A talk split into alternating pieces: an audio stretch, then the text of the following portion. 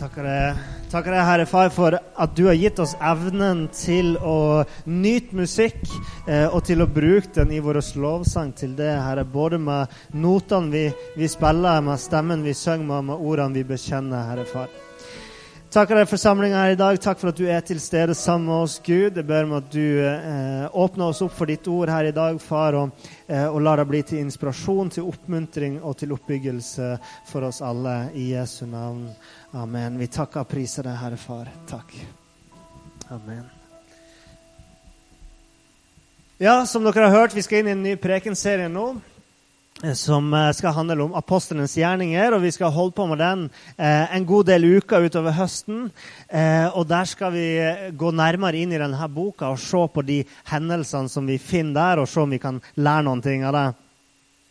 Eh, dere vet Apostlenes gjerninger er den eneste boka i sitt slag i Det nye testamentet. Eh, og dette er et historieverk som beskriver den aller første tida eh, eh, til Kirken og den aller første tida for de, de første kristne. Og Grunnen til at vi har lyst til å se litt nærmere på akkurat den boka, her, er pga. alle de utrolige historiene om eh, hvordan Gud eh, kom ned over de første kristne når han sendte sin Hellige Ånd hvordan dette radikalt former livet deres uh, og radikalt forandrer de til um, uh, den tjenesten som Gud hadde for dem, og hvordan Gud starta denne kristne bevegelsen ved hjelp av sin Hellige Ånd. For oss som kirke og menighet og som enkeltmennesker så forteller denne boka oss hva vi kan forvente eh, av et møte med Gud, og hva vi kan forvente skal skje i vår menighet, og hvordan dette kan forandre livet vårt. Så før jeg begynner å lese fra selve teksten som vi skal ha i dag, så har jeg lyst til å si noen ord om boka i seg sjøl. Fordi vi skal jo holde på med denne boka i noen uker framover, og da er det greit eh, å høre litt om eh, hva den er for noen ting. Eh, hvem som har skrevet den, og, eh, og sånn. Og eh, Det mange ikke vet, er at Apostelens gjerninger, som er den første boka som dere finner i Bibelen etter alle de fire evangeliene i Det nye testamentet eh, Det mange ikke vet om Apostelens gjerninger, er at den egentlig er del to av et større historieverk han som har skrevet apostlenes gjerninger, er Lukas, og han skrev òg Lukas' evangelium. Og mens hans første del, altså hans evangelium, handla om Jesu liv og, og, gjerning helt fram til Jesus ble tatt opp til himmelen, så handler denne boka om hvordan Jesus fortsatte å være virksom i verden sjøl etter at han hadde eh, dratt opp, ved at Den hellige ånd kom ned midt iblant oss kristne. Grunnen til at Lukas har skrevet de her to forskjellige skriftene, kan jo være nettopp fordi han har to forskjellige områder han fokuserer på, men òg rett og slett noe så enkelt som at de pergamentrullene, skriftrullene som de skrev på på denne tida, eh, de hadde sin begrensning. De kunne være opptil ca. 12 meter lang. Og, eh, og et Lukasevangelium vil fylle ca. en sånn bokrull, så det kan hende var en praktisk årsak til at en rett og slett måtte dele det opp i to. Så boka har eh, seinere fått tittelen 'Apostlenes gjerninger' eh, fordi den handler om livet til de her tolv apostlene eh, som fikk en helt spesiell utrustning av Gud til å motta åpenbaringa fra Gud og til å legge ned et solid fundament for Kirken basert på den hellige, nei, ut fra Den hellige ånds kraft og, og bygd på grunnsteinen som er Jesus Kristus. Og Spesielt så fokuserer boka på de her to apostlene som heter Peter og Paulus. De får òg mye oppmerksomhet. Men noen har faktisk òg kalt boka Åndens gjerninger, eller Den hellige ånds gjerninger, fordi at Den hellige ånds virksomhet i den første kirken var så tydelig og kommer så tydelig fram i boka her, og er åpenbart noe som Lukas vil at man skal få med seg etter å ha lest apostlenes gjerninger. Som sagt så handler boka om tida etter Jesu himmelfart, helt fram til apostelen Paulus eh, satt i fangenskap i Roma. Eh, så den forteller om hendelser som skjedde i et tidsforløp på ca. 30 år. Fra, fra Jesu eh, død og, og fram til, eh, fram til eh, Paulus sitt fangenskap i Roma. ja. Og Derfor så mener noen forskere at eh, skriftet sannsynligvis er skrevet ca. år 63. Så det er ganske tidlig. Eh, og Derfor så, så tenker man òg at Lukas' evangelium er skrevet desto tidligere, og noen mener kanskje så tidlig som i år 59. Så det var på denne tida Lukas holdt på å skrive de her skriftene sine, samtidig som han òg reiste rundt sammen med apostlene og misjonerte. da. Eh, så for alle dere som er her i dag, så har jeg lyst til å ta dere med videre i denne spennende reisen inn i apostlenes gjerninger, inn i denne boka. Eh, og Vi kommer også til å legge ut denne taleserien som podkast på nettsida vår. Så hvis dere skulle gå glipp av en gudstjeneste eller to, så kan dere alltids gå inn der og høre den eh, preken fra den søndagen dere var borte. og Det anbefaler dere å gjøre. Og For det andre så håper jeg at uh, denne serien kan inspirere dere til å børste av støvet litt av de her gamle biblene våre. Uh, og, uh, og henge det på i din egen bibellesning. ta med deg dette budskapet hjem, ta med deg Skriftet hjem og, og les sjøl. Sånn at vi ikke bare hører at vi snakker om apostlenes gjerninger her fra scenen, men at man òg tar det med og, og grunner på det og mediterer på det og går dypere inn i Guds ord. Eh, og hvis du er riktig flink, så eh, er jeg helt sikker på at du greier å lese gjennom denne boka både to og tre ganger i løpet av de neste ukene. Men like viktig er òg det å ta seg litt tid til å eh, reflektere over det man leser, og, og jobbe med det man, man, har foran seg, sånn at man kan være takknemlig for Guds ord, og man lar det virke og snakke inn i vårt egne liv. Eh, og, eh, og, be om de her tingene som vi leser om i Apostelens gjerninger, at de skal bli virkelig i vårt eget liv, i vår egen kirke og for de menneskene vi møter i vår hverdag. Det er nettopp det her som er det tredje punktet. Eh, at gjennom de her ukene så, så skal du bli inspirert til å få ei åndelig oppvåkning eh, der Gud vekker noe inni det, kaller på det til å fornye livet ditt med Han. At han tenner en hellig ild inni det, sånn at du vil brenne for Guds hensikt for oss mennesker. Og at du blir inspirert til å søke etter erfaringer med Den hellige ånd i ditt eget liv. Eh, til oppbyggelse, til oppmuntring, eh, både for deg sjøl og for menigheter, og som sagt mennesker du møter i din hverdag. Kanskje har du aldri hørt de her tingene sagt på denne måten før. Eh, men det er jo sånn at Gud han er levende. Han eh, ønsker å være sammen med oss, han ønsker å virke i livet vårt og gjøre seg kjent blant oss. Han lengter etter fellesskap med oss, eh, og han har lova at han vil utruste oss og han vil utruste det med de verktøyene du trenger for å leve et liv i hengivenhet til han. Ok? Og Derfor har jeg gitt denne første preken tittelen et, 'Et kall og en utrustning'. Og Vi skal da begynne å lese fra Apostelens gjerninger, kapittel 1, vers 1. I min første bok, Gode Theofilus, skrev jeg om alt det Jesus gjorde og lærte, fra han begynte og helt til den dagen han ble tatt opp til himmelen. Da hadde han ved Den hellige ånd gitt sine befalinger til de apostler han hadde utvalgt. Etter å ha lidd døden sto han levende fram for dem med mange klare bevis på at han levde. I 40 dager viste han seg for dem og talte om det som hørte, hører Guds rike til. Så La oss eh, først se litt mer på denne sammenhengen mellom Lukas' evangelium og apostlenes gjerninger. Så Lukas begynner her med å beskrive hensikten med sitt første skrift, nemlig evangeliet. Eh, og, og Det var jo nettopp det å fortelle om Jesu virke og liv her på jorda.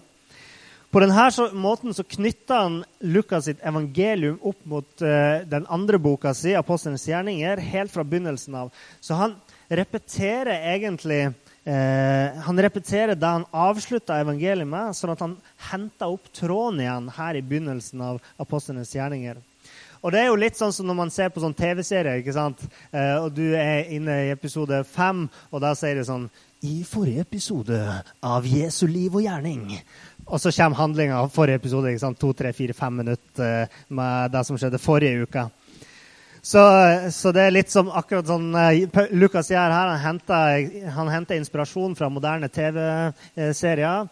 Nei, han gjorde ikke det, da. Men det er litt, litt samme han gjør her. da. Minner oss på hva det var som skjedde sist. Og Deretter så sier han at de hadde mange klare bevis, og oversatt som ufeilbarlige bevis på at Jesus hadde stått opp fra de døde og var levende. Så Vi skal bla litt tilbake i Bibelen vår, forbi Johannesevangeliet og tilbake til Lukas, men helt i slutten av Lukas-evangeliet. Eh, og i kapittel 24, vers 1-12 Vi skal ikke lese det, men eh, dere kan se i Bibelen deres hvis dere vil. I eh, vers 1-12 der skriver Lukas først om noen av de her kvinnene som kom til graven og fant at Jesu grav den var tom. Og Deretter så møtte de to menn i skinnende klær som sto foran dem og sa at Jesus han har stått opp. Disiplene som Lukas allerede her begynner å kalle for apostlene, de løp òg for å se den tomme graven, bekrefte at graven var tom, og undre seg over det. Så dette var de første bevisene på at Jesus hadde stått opp. Og Deretter så gikk Jesus sammen med noen av eh, disiplene sine på veien til Emmaus i vers eh, 13-35, der han ble åpenbart for dem, eh, spiste sammen med dem, og plutselig ble usynlig for dem. Og til slutt så forteller Lukas i vers 36-53 om at Jesus òg viste seg for disiplene da de var sammen. Eh, Jesus snakka med dem og spiste eh, sammen med dem. Eh, og ble, til slutt løfta opp til himmelen rett foran øynene deres. Så det, det, er det her Lukas henviser til når han skriver i eh, apostlenes gjerninger om de her ufeilbarlige bevisene. Så henviser han tilbake til evangeliet sitt, og så, og så sier han egentlig bare se hva jeg skrev i evangeliet mitt, så vet dere hva jeg snakker om. Det var de her ufeilbarlige bevisene. De kunne ikke tro noe annet enn at Jesus var levende. Eh, så når dere går hjem, så håper jeg at dere studerer de her skriftene litt nærmere sjøl. Og da er, det, en god ting å gjøre også. Les både litt Lukas og litt Apostelens gjerninger for å få den der kontinuiteten som Lukas mente at man skulle ha imellom hans to skrifter. Da. Men for disiplene i denne tida, i de her første dagene etter at Jesus hadde blitt borte for dem, Eh, så begynte han jo gradvis å vise for flere og flere av disiplene sine. Eh, og jeg tror at de var fylt av mange forskjellige følelser. Eh, så klart i begynnelsen både sorg og, og, og rådløshet. Men òg spenning og undring og, og, litt usikkerhet og litt tro og litt tvil og litt håp. Og kanskje iblant litt håpløshet. Eh, og spesielt selvsagt de her dagene etter korsfestelsen, før Jesus viste seg for dem, da de egentlig ikke visste helt hva som foregikk i det hele tatt. Men et nytt håp ble jo tent for dem da de her ufeilbarlige bevisene begynte eh, å vise på at Jesus var levende igjen. Og rett før Jesus dro opp til himmelen, så ga han dem et siste hint om hva som skal komme.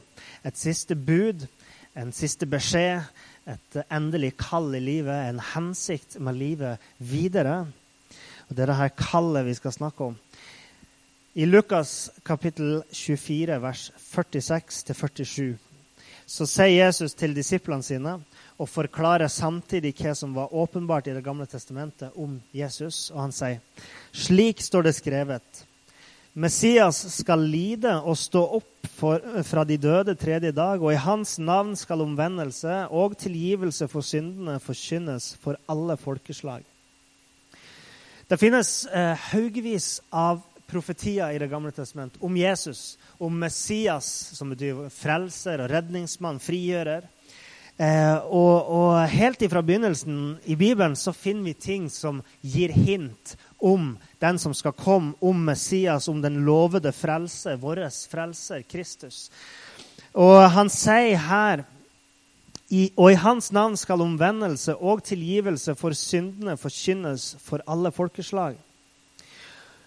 Litt tidligere i livet så bruker Jesus en av de her gamle profetiene om seg sjøl i Lukas kapittel 4, vers 18 og 19, eh, da han leste fra profeten Jesajas bok.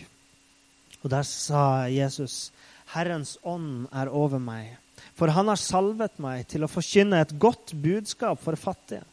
Han har sendt meg for å rope ut at fanger skal få frihet, og at blinde skal få synet igjen, for å sette undertrykte fri og rope ut et nådens år fra Herren. De ordene her sa Jesus helt på begynnelsen av sin tjeneste, og dette var hans programtale, som i et partiprogram der man sier hva er det man står for, hva er hensikten med denne tjenesten. Og Da brukte han dette bibelstedet. Og hvorfor nevner jeg det? Jo, fordi at i slutten av Lukas, i slutten av evangeliet, da snakker ikke lenger Jesus om at det bare var han som skulle forkynne omvendelse og tilgivelse for syndene, men han sa 'dere'. Han sier Messias skal lide og stå opp fra de døde tredje dag, og i hans navn skal omvendelse og tilgivelse for syndene forkynnes for alle folkeslag. Dere skal begynne i Jerusalem. Dere er vitner om dette. Jesus ga dem et kall om å fortelle alle disse tingene til alle mennesker. Og Det er det jeg, jeg, mener når jeg sier at Jesus han ga disiplene en ny mening og et nytt håp. Fordi Der de gikk rundt og lurte på hva skal skje nå, ja, så ga han dem et oppdrag. Et oppdrag om å videreføre det arbeidet Jesus allerede hadde begynt. Jesus hadde sagt hva det var han skulle gjøre. Han hadde vist at han gjorde det han hadde sagt at han skulle gjøre. Og nå overlot han det til disiplene om å ta det videre. Eh, disiplene de hadde vært litt i villrede ikke sant, for hva framtida ville bringe, og hva de skulle ta med seg. Men nå så hadde de fått dette oppdraget. Eh, og de skulle være Jesu representanter, de skulle være hans vitner. De skulle si sannheten om hvem Jesus var. Og Jeg har lyst til å dele en, en historie fra mitt eget liv her. Eh, jeg tror at Gud alltid har, et, har hatt en plan og et ønske for mitt liv, om at jeg skulle ha en tjeneste eh, og, og, fortelle andre mennesker om Gud. Og Kanskje høres det litt rart ut, men eh, det er jo faktisk sånn at Gud han kjenner oss fra, helt fra før vi har blitt født, og, og har en, et ønske for oss alle. Eh, og Jeg husker så godt en gang da jeg var 15 år, og jeg satt på datamaskin og chatta med jenta, som 15-åringer gjør på datamaskin. Uh, og uh, så kom det over meg at jeg skulle slå opp et bibelvers. Og jeg var jo ikke akkurat veldig belest i Bibelen eh, på denne tida. Det var, sånn, det var, ikke sånn, at jeg visste om det her bibelverset på forhånd, eller hva som sto i det bibelverset jeg fikk i hodet, liksom. Men jeg fikk, eh, jeg fikk et, et, bibelvers som jeg skulle slå opp. Og jeg, jeg, var ikke så flink til å be, eller noen av de her tingene, så det var ikke det. Jeg bare satt der og, og liksom chatta med ei jente, og så plutselig kom jeg slå opp i Bibelen her. Eh, og jeg fikk for meg at jeg skulle slå opp da Lukas 4, 18. Og eh, jeg kan ikke huske å ha fått et så tydelig kall til å slå opp et helt spesifikt vers på et så tilfeldig tidspunkt noen gang, verken før eller siden, egentlig. Eh, men, så jeg gikk bort til bokhylla, fant fram en, en bibel og bladde fram til Lukas 4, 18. Og der leste jeg Herrens ånd er over meg, for han har salvet meg til å forkynne et godt budskap for fattige. Han har sendt meg for å rope ut at fanger skal få frihet, og blinde få syne igjen, for å sette undertrykte fri og rope ut et nådens år fra Herren. Wow. Det var litt av en opplevelse. Å få det her plutselig dettende inn i hodet, og så er det som et kall til meg om hva som ligger foran meg og Det kunne vært et hvilket som helst bibelvers. og så men, eh, Bruker man tommelfingermetoden og slår opp i Bibelen og tenker å Gud har det noe for meg, og så slår du opp i Bibelen, så, så lander du på vers sånn som f.eks. Lukas 4,26, der det står Likevel ble ikke Elias sendt til noen av dem, bare til en enke i Sarepta i Sidonlandet. Og da, så det er ikke alltid det funker eller det er bare å slå opp et bibelvers, for da kan du få alt mulig rart. Så det hadde ikke helt gitt den store aha-opplevelsen. Men det var ikke Lukas 4,26 jeg fikk inn i hodet mitt. Det var Lukas 4,18 som dukka opp som en helt klar tanke i hodet mitt. Slå opp i Lukas 4,18. Og Senere kom jeg til å oppdage at de her versene er jo egentlig ganske kjent iblant eh, kristne som har litt lengre fartstid eh, enn det jeg har. Det visste jeg ikke der og da, men men Gud visste meg at han hadde et kall for mitt liv. Og han snakka til meg gjennom sitt ord. Eh, men endra livet mitt eh, seg liksom radikalt med en gang? Eh, nei, dessverre. Men hele veien så har jeg huska denne opplevelsen. Alltid hatt den med meg og sett tilbake på den.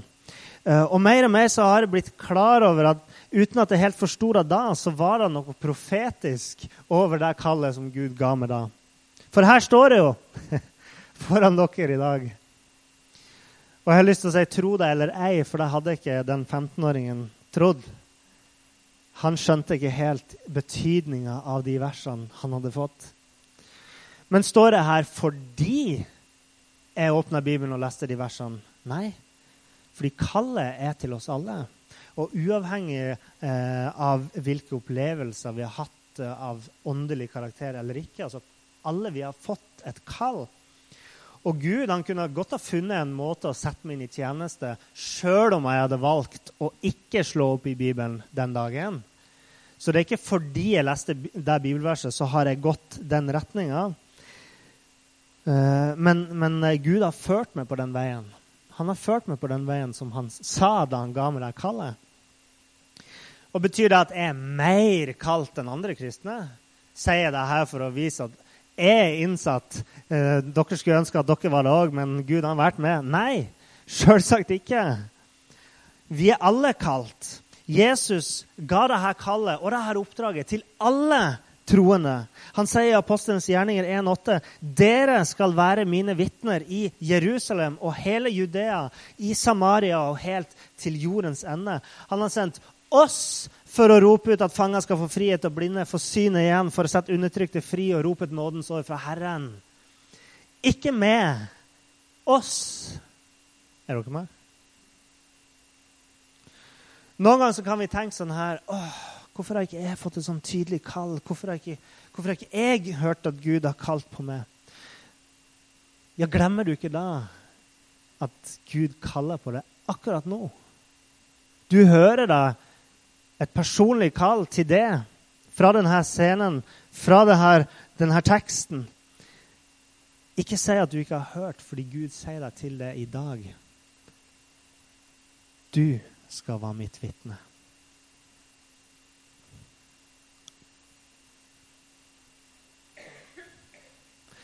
La oss snakke litt om denne utrustninga.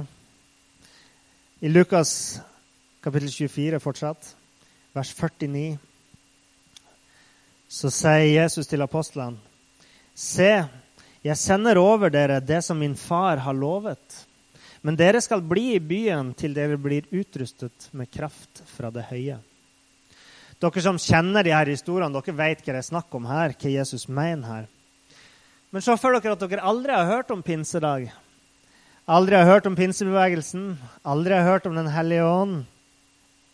Det er ikke så lett å vite ut fra de her ordene hva det er egentlig Jesus lover for noen ting. Hva er det Gud har lova? Hvilken kraft er det som skal komme fra det høye og utruste i?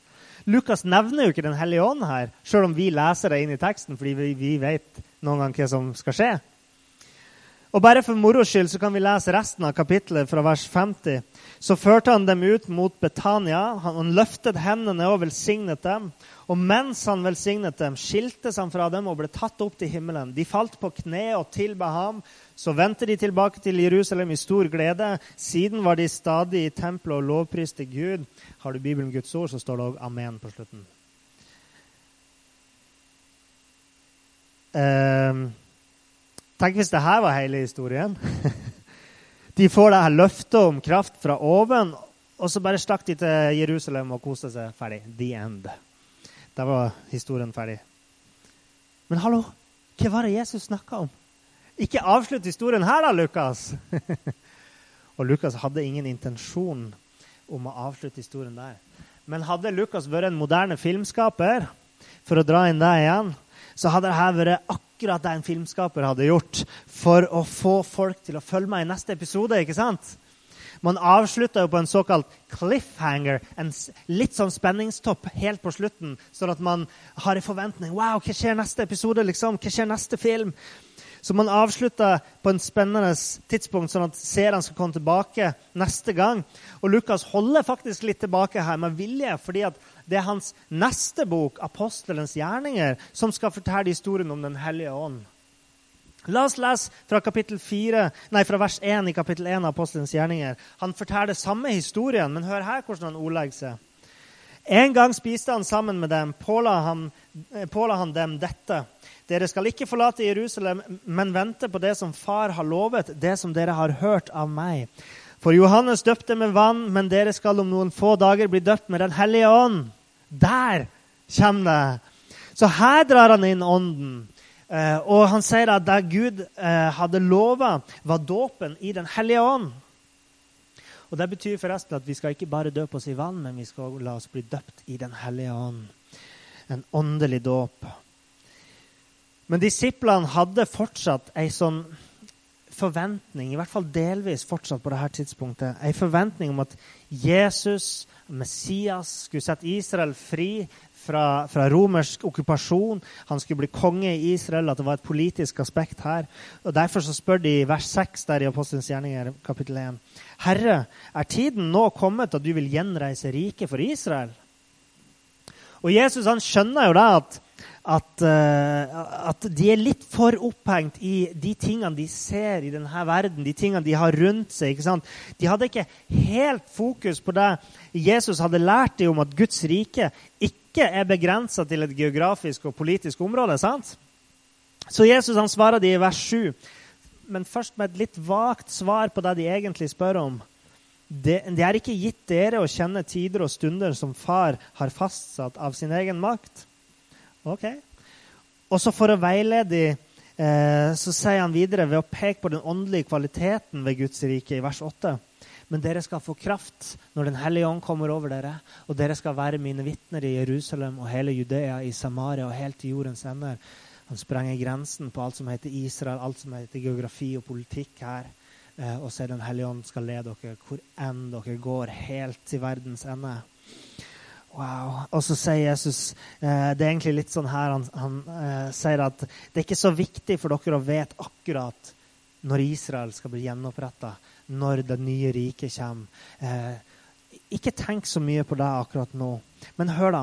Dere skal få Den hellige ånd som utrustning til å gå ut på det oppdraget jeg har kalt dere på. Det er så, det er så mye eh, eh større enn en bare det som skjer her i verden. Men det er noe som, som forandrer liv og har et, eh, et evighetsperspektiv. Gud skal sørge for Israel i sin tid, men akkurat nå så trenger alle mennesker å høre om frelsen fra Gud. Og Som Jesus hadde også demonstrert for disiplene sine, så var ikke Guds rike bare i ord, men òg i kraft. Kraft til under og mirakel, til helbredelse, til å forandre våre hjerter. Kraft til å tro, kraft til å elske hverandre og til å overbevise hverandre. Alt dette hadde Jesus, eh, hadde Jesus bevist for dem. Og så leser vi i vers 9 sant, at Jesus ble løfta opp til himmelen. Eh, og han hadde gitt et løfte om at han ville være til stede iblant oss ved Den hellige ånd. Og det var den samme ånden som han hadde snakka om tidligere, som hadde vært over han. Den han fikk når han ble døpt, og denne dua kom synlig ned over han, og Guds stemme ble hørt. Han ble velsigna av Gud Fader. Og, og, det var denne ånden Jesus sa, 'Herrens ånd er over meg om'. Når Jesus for opp til himmelen, da ble disiplene stående igjen. og de ble stående og se opp mot himmelen. Kanskje hadde de nok et øyeblikk der de tenkte Hva nå? Og Da står det i vers 10 og 11 Som de nå stirret mot himmelen mens han dro bort, sto med ett to menn i hvite klær foran dem eh, og sa Galileere, hvorfor står dere og ser mot himmelen? Denne Jesus som ble tatt bort fra, fra, dere opp til himmelen, han skal komme igjen på samme måte som dere har sett ham fare opp til himmelen.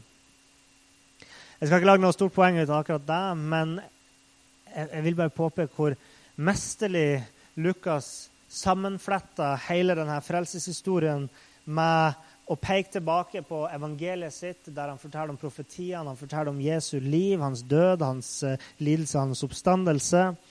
Eh, og, uh, og, så kommer han inn her hvordan Den hellige ånd gis til de troende, virker i de troende og, og bringer fram Guds rike på jorda. Så, så forteller han òg her da, om hvordan Jesus kom legemlig tilbake, akkurat som han dro legemlig til himmelen igjen. Men uansett, kanskje dette var ei, ei sårt trengt oppmuntring for disiplene. At de ikke skulle bare stå der og vente på at noe skulle skje, at noe skulle komme ned fra himmelen. At han skulle komme tilbake og være sammen med de akkurat som han hadde vært de her siste 40 dagene. Men at de eh, skjønte at nå skulle de gå på det Jesus hadde sagt. Nå skulle de dra inn til Jerusalem og vente på hva enn det var som venta de der. Og på samme måte så skal ikke vi heller leve med et sånn blikk der vi står lengtende og ser opp mot himmelen i påvente at noe skal skje en eller annen gang i framtida. Men vi skal fokusere på den utrustninga som Gud kan gi oss her og nå eh, eh, gjennom Den hellige ånd. Han har ei utrustning som han vil gi oss i dag. Så da skal ikke vi stå eh, som så mange gjør, og se opp mot himmelen og si 'Nå kommer du, Gud', fordi han er her. Så Jeg snakker om et kall og utrustning i dag fordi det er det her som markerte begynnelsen på den tida som vi lever i. I dag begynnelsen på kirkens tid. Ei tid med ei åndsfylt kirke som vitner om hvem Gud er, eh, og hva han har gjort for oss gjennom Jesus. Jesus han ga oss kallet om å gå ut i hele verden og var hans vitner. Men han har ikke sendt oss ut på egen hånd i kraft av oss sjøl eller våre egne begrensa gaver og talenter, men han har sjøl kommet nær oss ved sin ånd. Og ikke bare for å gå ved vår side, sjøl om det òg er en fin ting å tenke på, men òg ved å gi oss den kraften, den utrustninga, de verktøyene som vi trenger for å leve etter hans kall. For Gud veit at vi trenger hans hjelp. Han gir oss den styrken vi trenger i vårt liv, både til å tro på Han og til å følge Han og til å dele troen med andre. Dere vet, Noen ganger så har man hørt dette kallet mange ganger. Kanskje til og med blitt døpt i Den hellige ånd. Og så glemmer man allikevel litt der man er meint å bruke den utrustninga til. Hva som er kallet. Det var tilfellet med denne 15 år gamle Niklas-karen som jeg fortalte dere om. Han hadde allerede blitt døpt i Den hellige ånd. Men uh, han hadde glemt litt kallet. Han var litt lunken og litt lat. Og Derfor så kom Gud og ga meg en klar og tydelig påminnelse om hva det var jeg skulle gjøre. Minte meg på det kallet, på det oppdraget jeg skulle gå på. Ja, ja, han var fortsatt litt lat etter det. Men Gud han fikk lov til å virke gjennom meg. Så står jeg her i dag.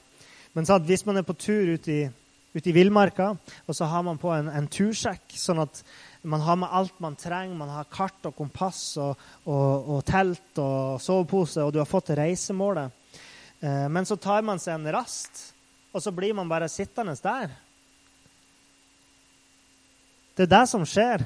At man man når ikke målet fordi man tar seg en pause som liksom bare blir varende. Og så glemmer man hvor det egentlig var man var på veien. Man blir, eh, man blir um, eh, forstyrra og, og mister fokus. Andre gang så hører man at så hører man at man er kalt om å gå ut på oppdrag. Men så går man, og så søker man ikke denne utrustninga. Og det er klart at vi mennesker vi kan gjøre mye rart i kraft av oss sjøl. Og vi kan gjøre gode ting òg eh, i, i, Jesu navn, uten at eh, vi trenger å nødvendigvis kalle åndens arbeid i oss. Eh, men eh, vi vil aldri gjøre alt det Gud har kalt oss til. Det er som å legge ut på tur uten noe som helst utstyr. Og Er du sprek og du er vant med villmarka, så kommer det jo et stykke. Men på et visst punkt så kommer de aller fleste til å slite. Og eh, jeg skal gjøre sånn som Lukas gjorde i evangeliet sitt, og avslutte her. Før vi går noe dypere inn i de her tingene. Eh, Sjøl om vi ikke har kommet lenger enn til der at apostlene de har fått et kall og de har fått et løfte om en utrustning. Eh, men neste uke da skal vi få høre fra Kåre om hva som skjedde videre når vi kommer til kapittel to i apostlenes gjerninger og vi får høre mer om denne kraften som blir gitt fra det høye. Så jeg håper dere blir med oss da. Himmelske Far, eh, takk for at vi får lov til å høre ditt kall igjen i dag. Eh, og ikke bare om kallet til å gå ut og, og, og evangelisere og gå ut og misjonere, Herre Far, og gå ut på det oppdraget som du har for oss. Men jeg takker deg òg, Far, for den utrustninga som du har lova oss, Herre. En kraft fra det høye, en kraft som overgår vår forstand, våre evner. Du er villig til å sette oss i stand for ditt rikes skyld, far, og til, din ære. Så jeg ber deg, Herre Far, om at du skal styrke den utrustninga i oss. Eh, la oss se hele Guds rustning i vårt liv, som, som, vi leser om hos Paulus. Herre Far, at, at du har lyst til å gi oss de verktøyene vi trenger. Så, så hjelp oss å være åpen for å ta imot. Hjelp oss å søke det og be om dine nådegaver, Herre Far. Eh, og, og, la oss gå inn i, i denne teksten, denne skrifta, Herre far. Og la oss bli inspirert, og la oss få mot og frimodighet ut ifra å lese om eh, det arbeidet som du gjorde i disiplene sitt liv, far.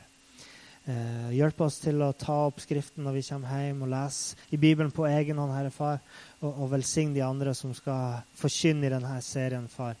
La det bli til, eh, virkelig bli til oppbyggelse og oppmuntring for oss alle, far. Og, og, og la, det, la, det, føre til at vi blir et enda sterkere menighetsfellesskap her.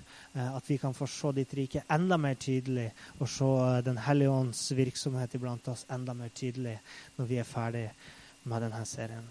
Det ber vi om Jesu navn. Amen.